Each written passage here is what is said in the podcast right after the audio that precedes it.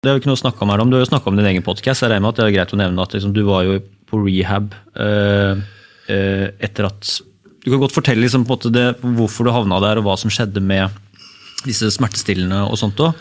Om det er i starten på denne Om det henger Ja, sammen? det er et element av det. Jeg, jeg, um, jeg har slitt med, med noen kroniske plager over mange år, som på mange måter kanskje er sånn starten på at jeg jeg, jeg brukte jo smertestillende innimellom i forhold til eh, smertene i hode og nakke etter en bilulykke. Men så gikk det for så vidt veldig greit. Så lang historie kort, så øh, brukte jeg smertestillende innimellom for å døyve, for å slippe. For det, liksom, det lå og murra der hele tiden. Og når det går og murrer over måneder og år, så du blir veldig sliten av det. Og så spurte jeg legen om jeg kunne få noe for å liksom bare få en release. da. Men så, så, Og det fungerte veldig veldig fint i mange mange år. At jeg, var, jeg tok litt innimellom. Um, som, som jeg hadde fullstendig kontroll på, og var for så vidt ufarlig. Og så etter hvert men, men, det som skjedde med meg sånn i 2014, 15, 16, 17 uh, Så var det så mye annet som skjedde i livet også, som uh, tok lurven av meg. Eh, Så det ble en veldig sånn tung tid. Jeg mislyktes som pappa, følte jeg. Jeg mislyktes på jobben, tapte mange millioner kroner. Jeg følte ikke at jeg var noen bra ektemann, jeg følte ikke at jeg var god nok venn. Liksom, eh, ting rakna litt.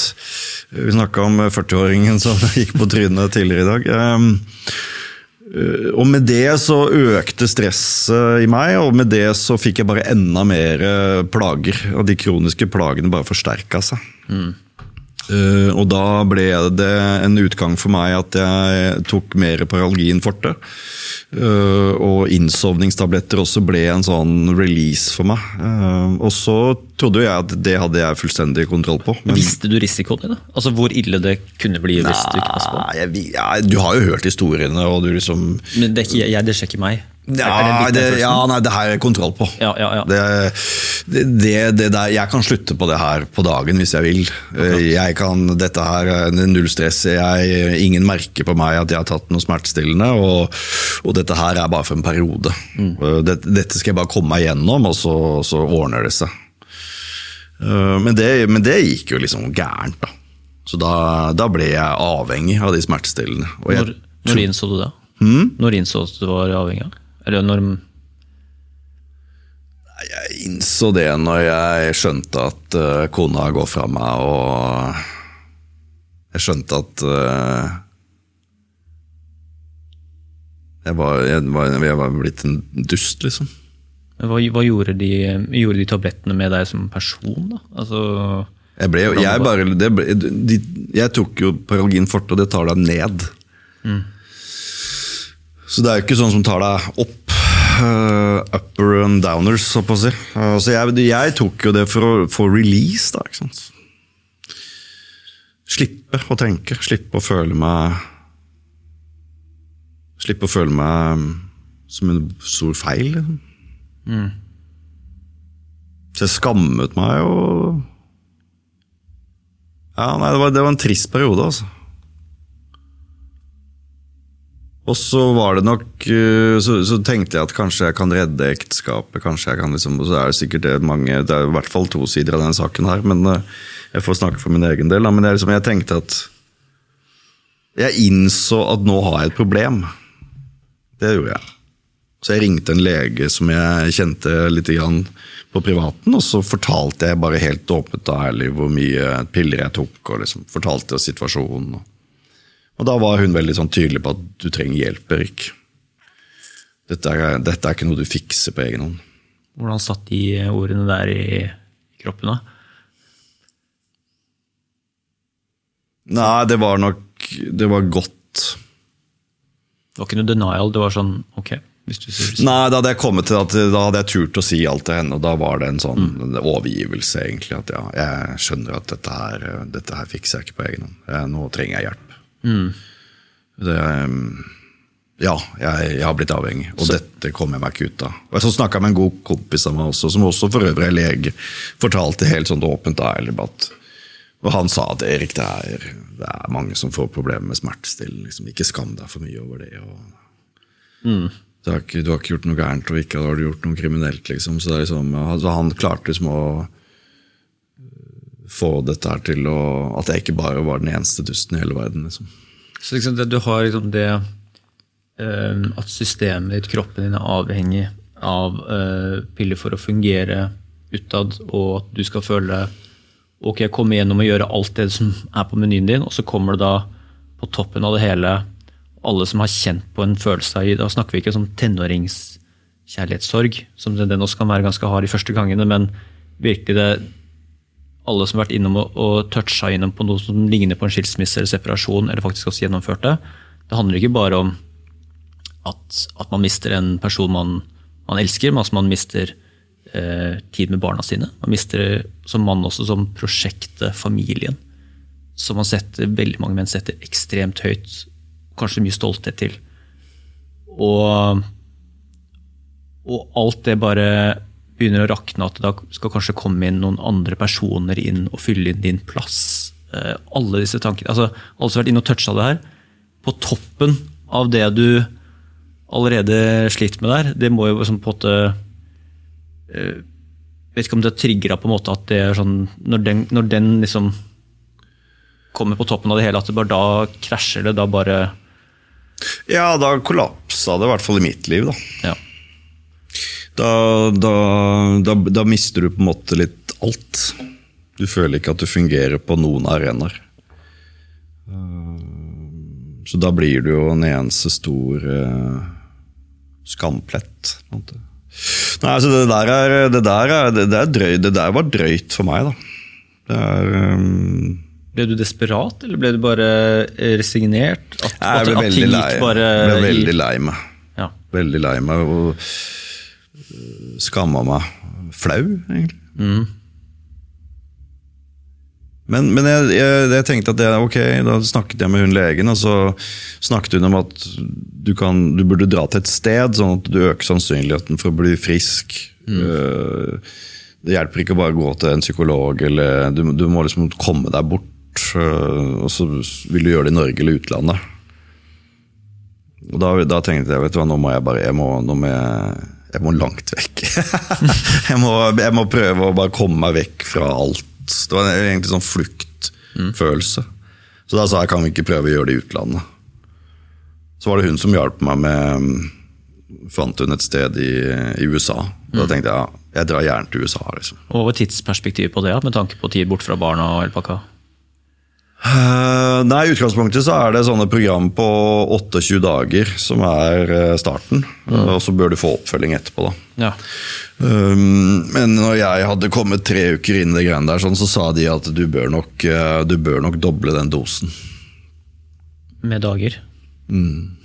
Så, så, um, så jeg, jeg var der i to måneder. Ja. Hvordan Er det sånn som vi har sett på mye amerikansk Ja. film og TV-serier? Er det Ja. akkurat sånn? Er det det? er det det? Jeg følte meg på film, faktisk. Ja, gjorde det. Ja. Men hva var den andre type som var, som var inne der samtidig? da? Nei, det var, det var alt mulig rart. Altså, men jeg var på et sted som var relativt få på. Eh, Men det var alt fra den unge kokainmisbrukeren på 22 til eh, hun koselige gamle dama på 72 som hadde blitt alkoholiker. så det var, det var veldig Og så var det noen næringslivsfolk, og så var det Så det var liksom alt Det var en gammel fotballspiller der, altså amerikansk fotballspiller. Det var liksom alt mulig rart, egentlig. Eh, Men så var vi på sånne AA-møter eh, lokalt på bygda. Okay. Det var enda mer absurd. Det var sånn Jeg husker de kalte det var, sånt, det var en gammel låve som de hadde gjort om til et sånt anonyme alkoholikersted. Og Der var det et sånt 40-50 stykker som satt i en enorm sirkel. Og det var stort sett noen bikers. da. Så det var eh, svære karer eh, med tatoveringer og gullringer og langt hår. Og de hadde Harley Davidson på utsiden, og så satt de i Kom inn der, så hadde alle satt seg ned i en sånn kjempestor ring, og så var det to-tre ledige seter på ene enden der. Og så, jeg, så starta de med å si navnet sitt, og så, må, og så sa vi alle navn. Så, Hi, I'm Tom and I'm an alcoholic. ikke sant? Og så sier alle i kor Hi, Tom. Og så kom du til meg og så sier Hi, I'm Eric and I'm an addict, sa jeg da. Og så sier da 40 stykker i kor 'Hi, Eric'. Da fikk jeg frysninger. Gjorde det? Ja. Det er helt sprøtt, altså. Tenk. Nei, sorry. Ja, ja. Hva var det du skulle spørre om? Jeg tenkte. Nei, nei, det er bare fortsett, du. Nei, altså, jeg husker, jeg husker den der um, jeg, jeg tenkte at det, det kom ikke jeg til å føle på, men liksom, jeg måtte lese i den, I den sesjonen der som var, kanskje varte et par timer, så måtte jeg lese opp noe i en sånn bok. Og jeg på min håper holdt å si, norsk-engelsk stotra og ordna, og så, så kommer det folk bort etterpå og sier at vi skjønner at ikke du er fra herfra. Hvor kommer du fra? Altså, liksom, Norway? Og i all verden. Men så sier de Men så liksom Men du, Erik. Kom hit neste uke òg. Vi skal ta vare på deg. Og den der bamseklemmen fra de der svære motor, de der motorsykkelgutta, den der bamseklemmen der sånn, med at liksom Håper å se deg til uka òg. Nei, det var, det var det, det var Det var veldig fint, altså. Det føltes godt. Ja, for da har du gått i måneder og kanskje et par-tre år og kjent på noe som har vært vondt og vanskelig, og du skjønner sakte, men sikkert at de pillene ikke var bra for deg, og så skjærer det seg, og så bare, og så bare føler du at fuck. Jeg sa jo til og med i en sånn gruppesesjon at Nei, nå har jeg mista kona, og nå har jeg kåla til liksom alt, og nå vet jeg ikke hva kundene mine sier, jeg vet ikke hvilket renommé jeg vil få etter dette, og jeg syns jeg bare Nei, dette er bare nitrist. Og, Ja, jeg hadde kjærlighetssorg, og ja, jeg syns dette her var vondt, altså. Og da var det han eh, 22 år eh, kokainmisbruker. For jeg, jeg, jeg knakk sammen i det ene møtet der. Um, og da sa han 22-åringen, han yngste For hun, hun som veileda den sesjonen der, sånn, hun sa ikke noe. Så hun bare lot meg gråte. For jeg sa noe sånn som at jeg vet da søren hva jeg Jeg vet ikke helt hva jeg skal kjempe for nå, liksom.